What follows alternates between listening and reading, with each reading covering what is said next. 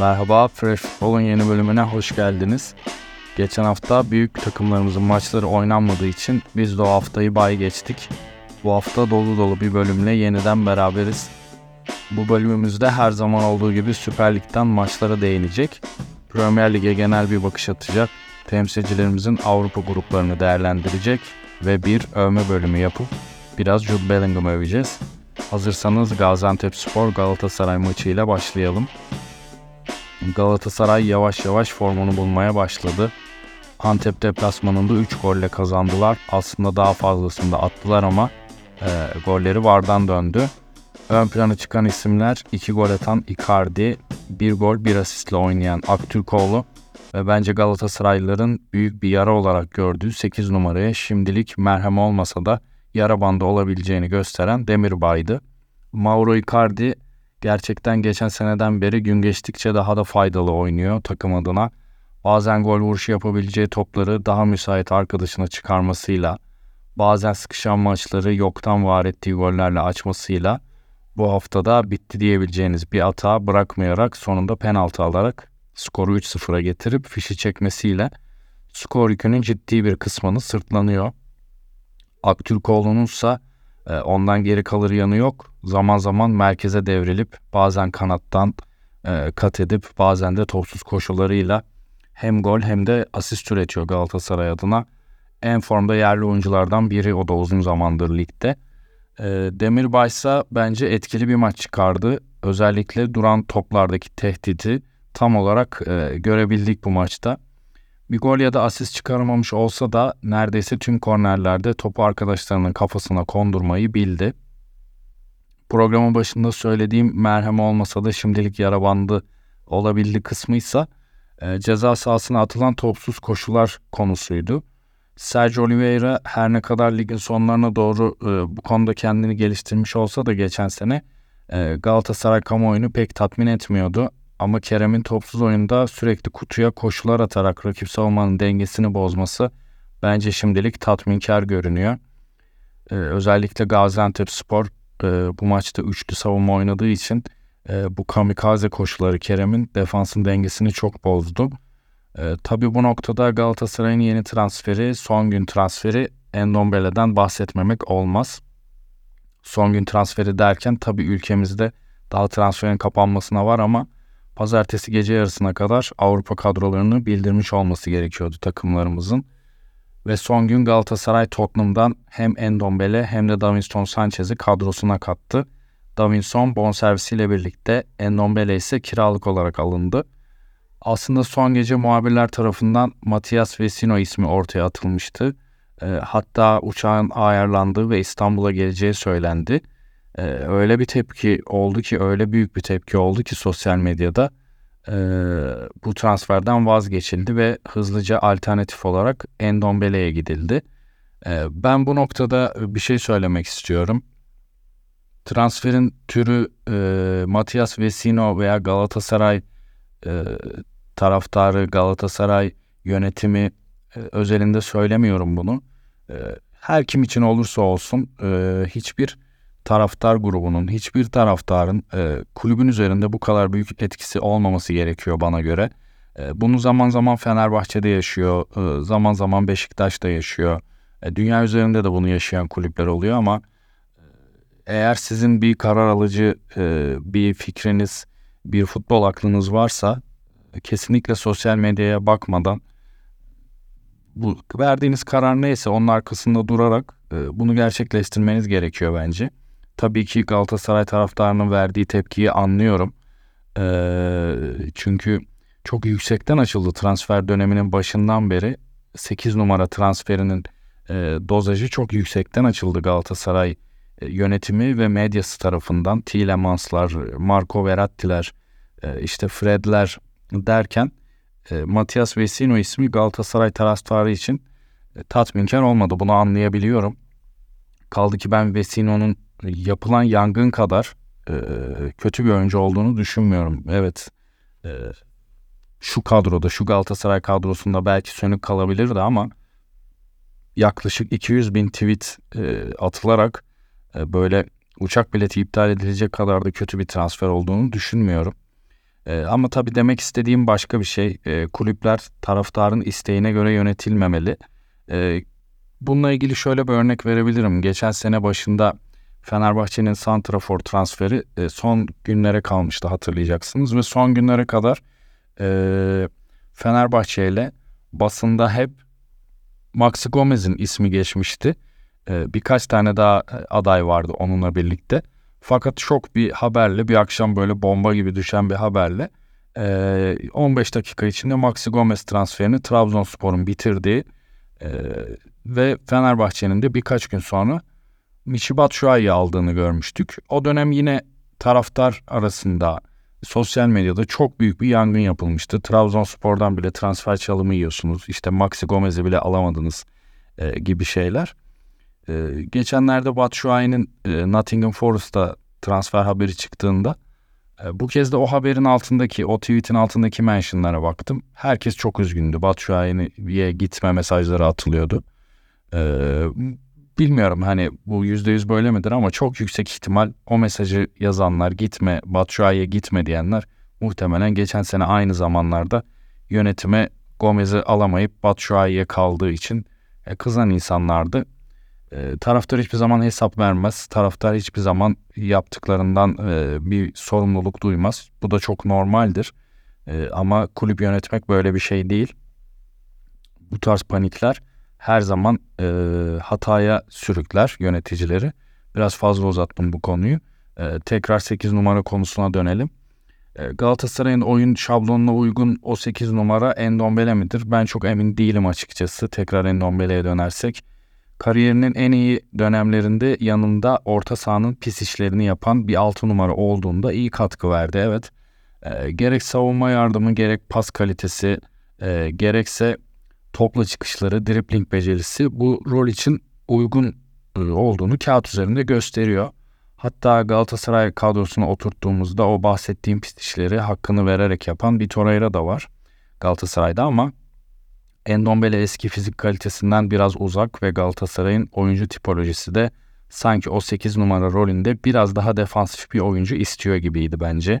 E, bekleri sürekli bindiren ve özellikle Endombele'nin konumlanacağı sol sol taraf için e, beki Angelinho'nun da defansif farkındalığının düşük bir bek olduğunu düşünürsek e, sanki oradaki orta saha oyuncusunun biraz daha toparlayıcı bir rolü olması uygun olabilirdi. E, son, sonuçta ligimizde bir yerli oyuncu zorunluluğu var ve bu zorunluluktan dolayı çoğu maçta Kerem Demirbay'ı göreceğiz orada. Bu da demek oluyor ki Endombele transferi daha çok Şampiyonlar Ligi için yapıldı.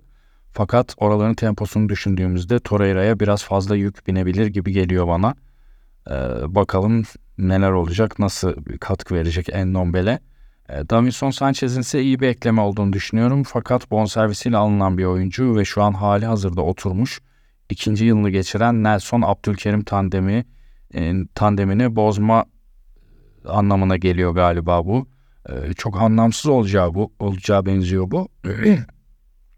E, Davinson da çünkü düşük profilli bir oyuncu değil. E, yani özellikle de bizim ligimizin seviyesini düşündüğümüzde e, yedek kalsa sorun yapar mı veya oynatmak isteseniz bu tandemden kimi kesersiniz bunlar e, soru işareti açıkçası şu an. E, eğer Nelson orta vadede yedeğe çekilip yerine Davinson oynarsa e, bunun çabukluk açısından ve Endombele konusunda bahsettiğim o beklerin ileri çıkışlarının tolere edilmesi açısından artılar getire, getirebilir Galatasaray'a. Çünkü Sasha Boy her ne kadar hücuma çıkmayı çok sevse de geri dönüşleri asla sıkıntı olan bir oyuncu değil. Bununla birlikte Torreira'nın zaten merkezi çok iyi savunduğunu biliyoruz. E, bir de Davinson gibi hızlı bir stoper eklemesi olursa Galatasaray'ın hakim oyunu oynama, e, beklerini ileri gönderip rakip yarı sahada topa sahip olma oyunu da biraz daha güvenli hale gelebilir. Tabi ister istemez ülkede pek sevilmese de insanın aklına bir üçlü savunma planı da geliyor. E, çünkü bu stoper üçlüsü gerçekten geçen senede bolca bahsettiğim o ideal üçlü savunma oyuncu tipolojisine çok uyuyor. E, hatırlarsanız Jorge Jesus'un üçlü savunmasını oyuncuların yerlerinde çakılı olmaları, hiçbir oyuncunun pasla veya topu penetre ederek ileri çıkmaması üzerinden eleştirmiştim bolca geçen sene. Ama Davinson'un sağ stoperde, Nelson'un merkezde, Abdülkerim'in de sol stoperde hem hücuma dublaj yapan hem topla hem pasla çıkabilen hem de Angelinho'nun kanat bek oynadığı senaryoda onun arkasını rahatlıkla süpürebileceği bir üçlü savunma gerçekten e, kulağa çok hoş geliyor. Tabii bunu bütün sezon yapmanız imkansız çünkü hem üçlü savunma oynamanız için elinizde iyi seviyede en az 5 stoperin olması e, hem de üçlü savunma e, demek ileriden bir kişi eksilmek demek e, bu anlamada geliyor ve Galatasaray'ın hücum oyuncularını düşününce şu durumda bile birilerinin yedek oturup mutsuz olacağı kesinken bir de oraya eksi bir yazmak takım içindeki dengeleri bozacaktır. Ama özel maç planlarında belki Şampiyonlar Ligi maçlarında veya derbilerde denenebilecek bir sistem. Kesinlikle e, Okan Buruk bunu deneyecektir, aklında olacaktır. E, hemen Şampiyonlar Ligi grubuna göz atalım Galatasaray'ın. Sarı Kırmızılar Şampiyonlar Ligi A grubunda e, Bayern Münih, Manchester United ve Kopenhag'la eşleşti. E, diğer birkaç gruba bakınca aslında ben bu grubun o kadar da karalar bağlayacak bir grup olduğunu düşünmüyorum. Tabii ki Bayern Münih her zaman Bayern Münih'tir ama açıkçası son 10 sezonda Bayern Münih'i hiç bu kadar etkisiz futbol oynarken görmemiştim. Belki bir yarım dönemlik Niko Kovac dönemi e, söylenebilir ama onun dışında Bayern Münih her zaman durdurulamaz olarak niteleyebileceğimiz bir futbol oynardı biliyorsunuz. E, bu sezon Tuchel ile birlikte o görüntüden uzaklar. Keza Manchester United'da da geçmiş sorunlar devam ediyor. Bir de Anthony problemi çıktı e, onlar için. E, kadrolarına birkaç ekleme yaptılar ama o akışkan oyunu oynamakta hala çok zorlanıyorlar. Kopenhag hakkında çok fazla bir bilgiye sahip değilim. Ama Galatasaray'ın ana hedefi hiç şüphesiz Danimarka ekibinden 6 puan çıkarmak olacaktır öncelikle. Ee, söylediklerim yanlış anlaşılmasın Galatasaray lokum gibi bir kura çekti, boşa yangın yapılıyor demiyorum ama ben şahsen kamuoyunda yaratılan algı kadar da zor bir grup olmadığını Galatasaray'ın bu takımlara kafa tutabilecek seviyede olduğunu düşünüyorum. Ee, uzun bir değerlendirme yaptık Galatasaray için. Şimdi bir de Fenerbahçe'ye bakalım. Pardon. Ee, Fenerbahçe zorlu Ankara deplasmanındaydı bu hafta. Gerçekten algısı gibi de zorlu geçti maç ve 1-0'la 3 puanı kapıp kaçtı Fenerbahçe tabiri caizse. Ee, aslında maç daha rahat geçebilirdi Fenerbahçe için ama Edin Dzeko çok net pozisyonlardan faydalanamadı, topu kaleye sokamadı ve tam maç sıkıntıya mı giriyor derken sahneye çıktı. Ee, yine Osay Samuel'e yaptığı asistle Osay da gerçekten çok düzgün vurdu topa. Öne geçirdi Fenerbahçe'yi. Maça dair notlarda aslında Fenerbahçe'nin oyununda ciddi sıkıntılar göze çarptı bu maçta. Zaten maça başlayan kadroya şöyle kabaca bir göz atınca ilerideki oyuncuların 37 yaşındaki Ceko, 34 yaşındaki Tadic ve topu tamamen ayağına isteyen hareketli, topsuz, koşulu bir oyuncu olarak asla tanımlayamayacağımız İrfancan Kahveci olması bir deplasman oyunu için bence uygun değildi. En azından Ankara gücü sol tarafında Muyak için ağırlığından faydalanmak için orayı e, işlemek adına belki bir Joshua King tercihi yapılabilirdi. Oyun kurulumunda özellikle ilk yarıda çok sıkıntılar yaşadı Fenerbahçe. Bu sıkıntıların da merkezden kaynaklı olduğunu düşünüyorum. Tam bir 4-2-3-1 gibi başladılar maça ve topu rakip yarı alana yıkamadığınız senaryoda e, Şimanski etkisiz kaldı. Çünkü e, Ferdi'nin de olmayışı zaten sıkıntılı olan e, Fenerbahçe'nin geriden top çıkartmasını iyice sıkıntılı hale getirdi. E, çok ciddi boşluklar göze çarptı merkezde. E, Fred elinden geleni yapsa da e, açıkçası tüm yük İsmail'e bindi. Hem top çıkartmada hem de atak karşılamada. Açıkçası maçın son dakikalarında gelen yersiz kırmızı kart da bence bunun bir sonucuydu.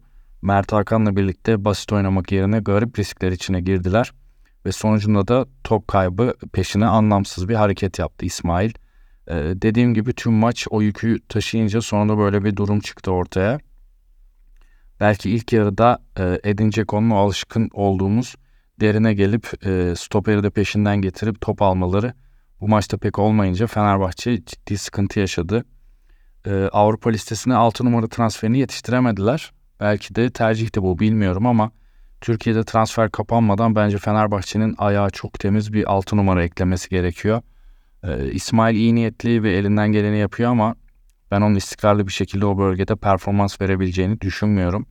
Ee, kaldı ki verse bile e, lig, Avrupa, kupa derken çok uzun bir maraton ve sadece ona güvenmek çok çok büyük bir yanlış olur. Tabii Crespo ile ilgili haberler çıktı hafta içi.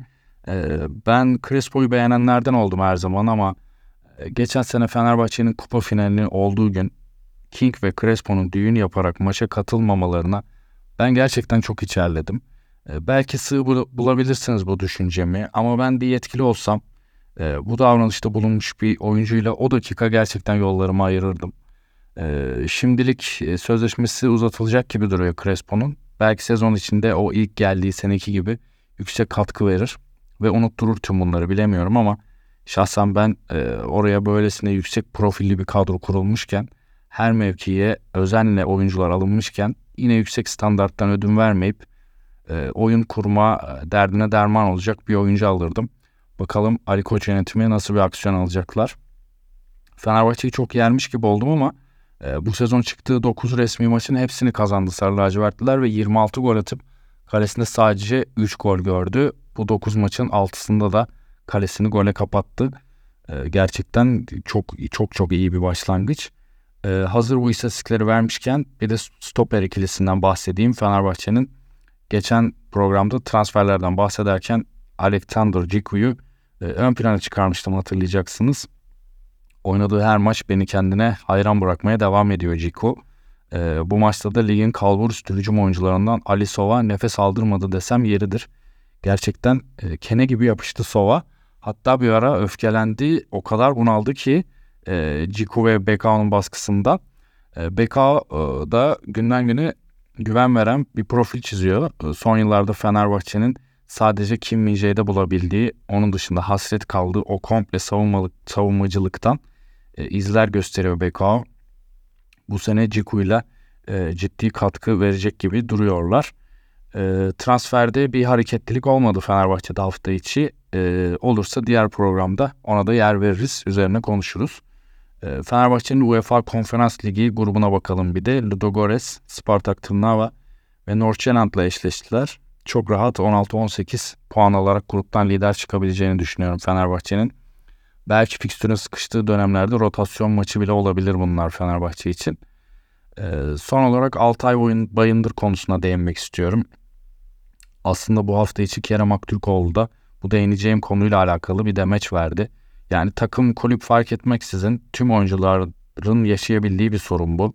Altay Fenerbahçe'nin kaptanlığına kadar yükselmiş, taraftarın adına özel besteler yaptığı bir oyuncuyken bir anda her maç ıslıklanan hatta söylemekten hicap duyuyorum ama kafasına yabancı madde atılan kendi taraftarı tarafından bir oyuncu noktasına geldi. Peki nasıl oldu bu? Ee, kendine futbol yorumcusu diyen, kendini kanaat önderi zanneden birkaç sözde yorumcu e, gerçekte de talk showman'in e, ve onun peşine takılan bazı taraftarların başlattığı Altay C sınıfı kaleci, Fenerbahçe'nin kalesi boş e, tarzı söylemler e, Kadıköy'e de sirayet edince önce homurdanmalar sonra tepkiler başladı. Kalecilik belki de futbolda en fazla motivasyon, en fazla moral gerektiren mevkilerin başında geliyor. Kendi taraftarınızın sizi ıslıkladığı hatta başınıza yabancı madde attığı bir ortamda e, ağzından hayır bir kelime çıkmayan lağım ağızlı adamların size her fırsatta göbeğini kaşıyarak oturduğu yerden hakaretler ettiği bir ortamda e, kusura bakmayın Allami Cihan olsanız başarılı olamazsınız. E, ben tabii ki Altay hatasızlığı çok iyiyken yollar ayrıldı e, demiyorum. Ama olaya birazcık kronolojik bakmak lazım. E, siz bugün Manchester United tarafından tercih edilecek kadar kalifiye olan bir sporcunuzu bu hale getirdiyseniz önce bir dönüp kendinize bakmanız gerekir bence. E, çok uzatmaya gerek yok. Altay'a yeni kar- kariyerinde başarılar dileyerek Beşiktaş'a uzanmak istiyorum. Beşiktaş da evinde Sivas Spor'u 2-0 mağlup etti ve haftayı hasarsız kapattılar.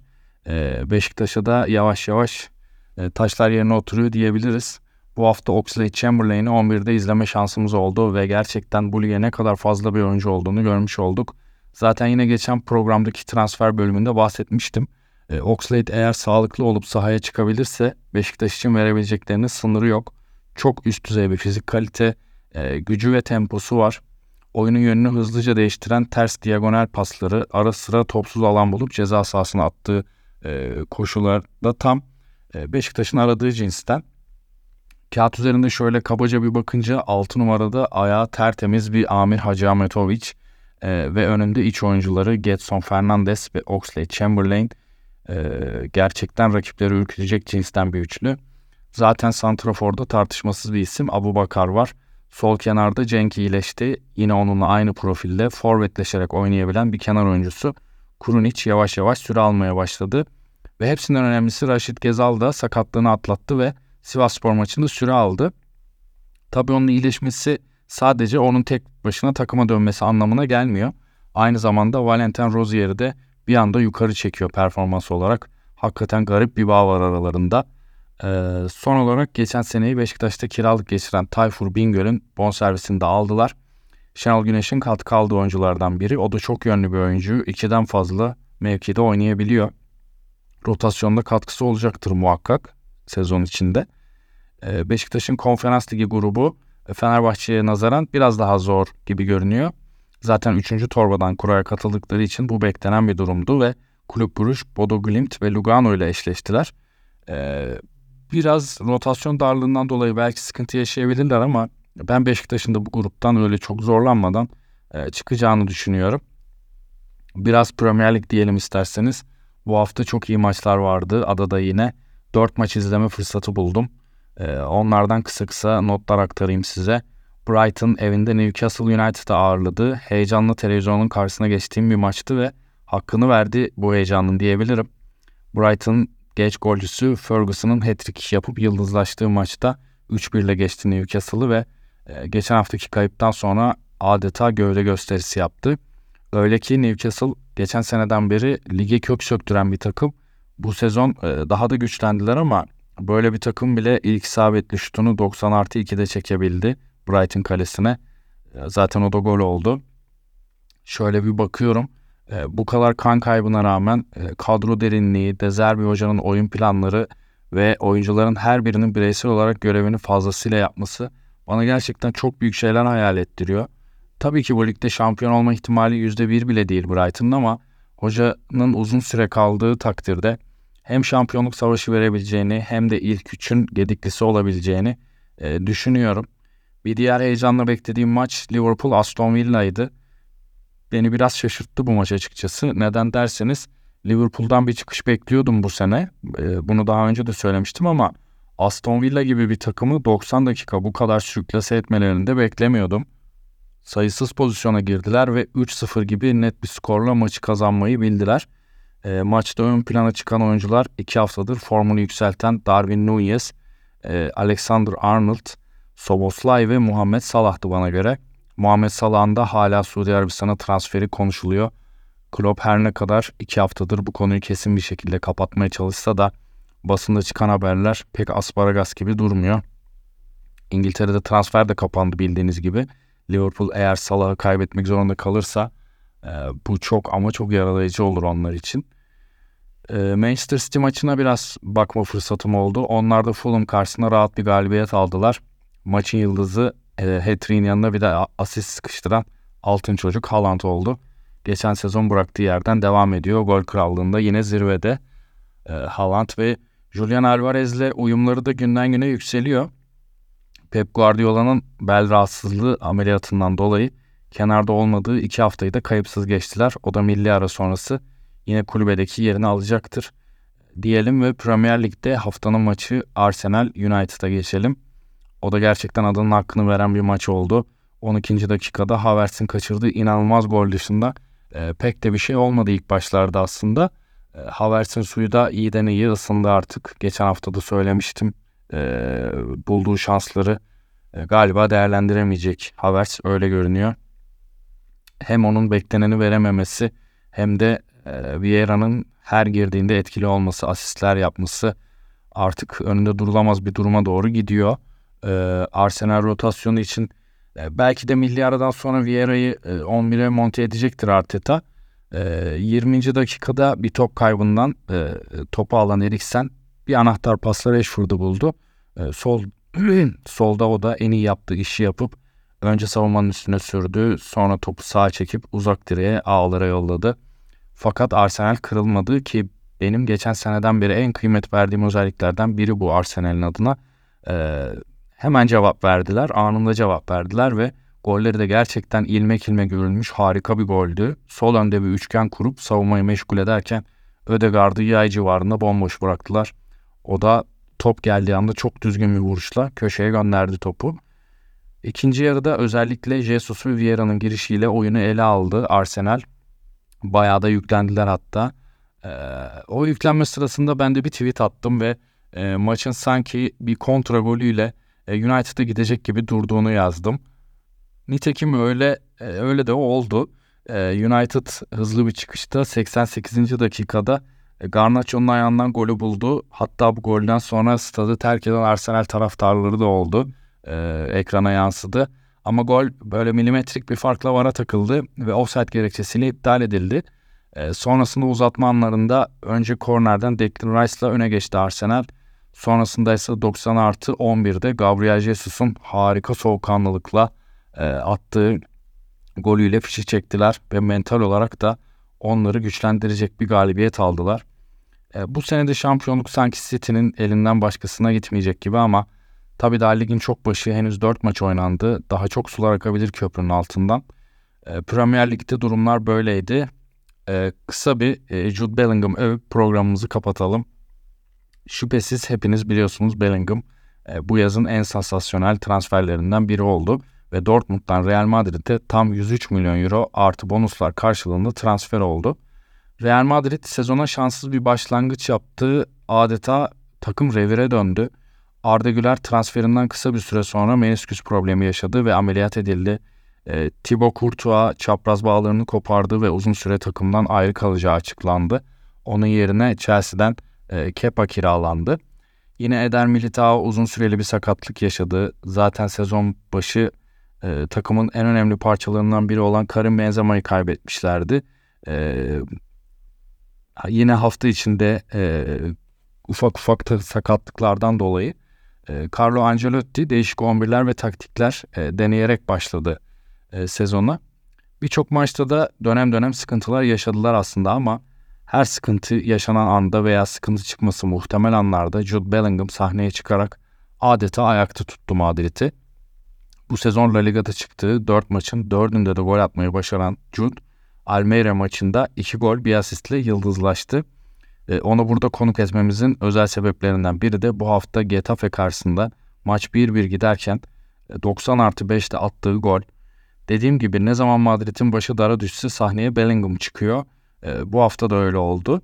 Henüz Eylül ayındayız ama kendisine ödenen bonservisin hakkını büyük bir ölçüde verdi diyebiliriz Bellingham için.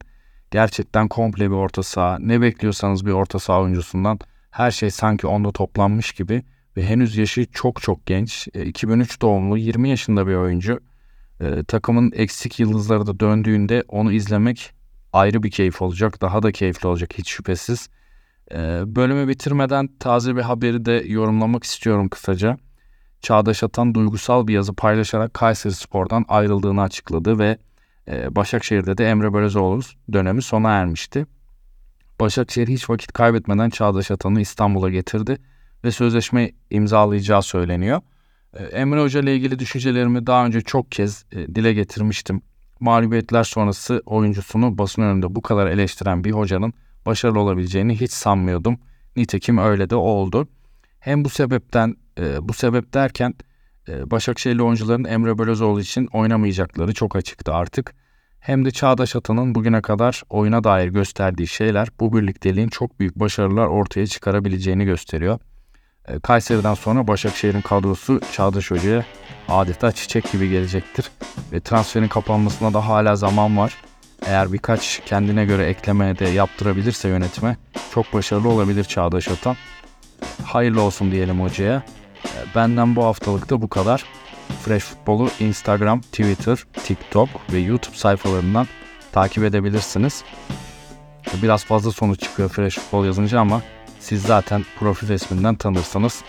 Dinlediğiniz için çok teşekkür ederim. Milli ara sonrası yeni bölümde tekrar görüşmek dileğiyle. Hoşçakalın.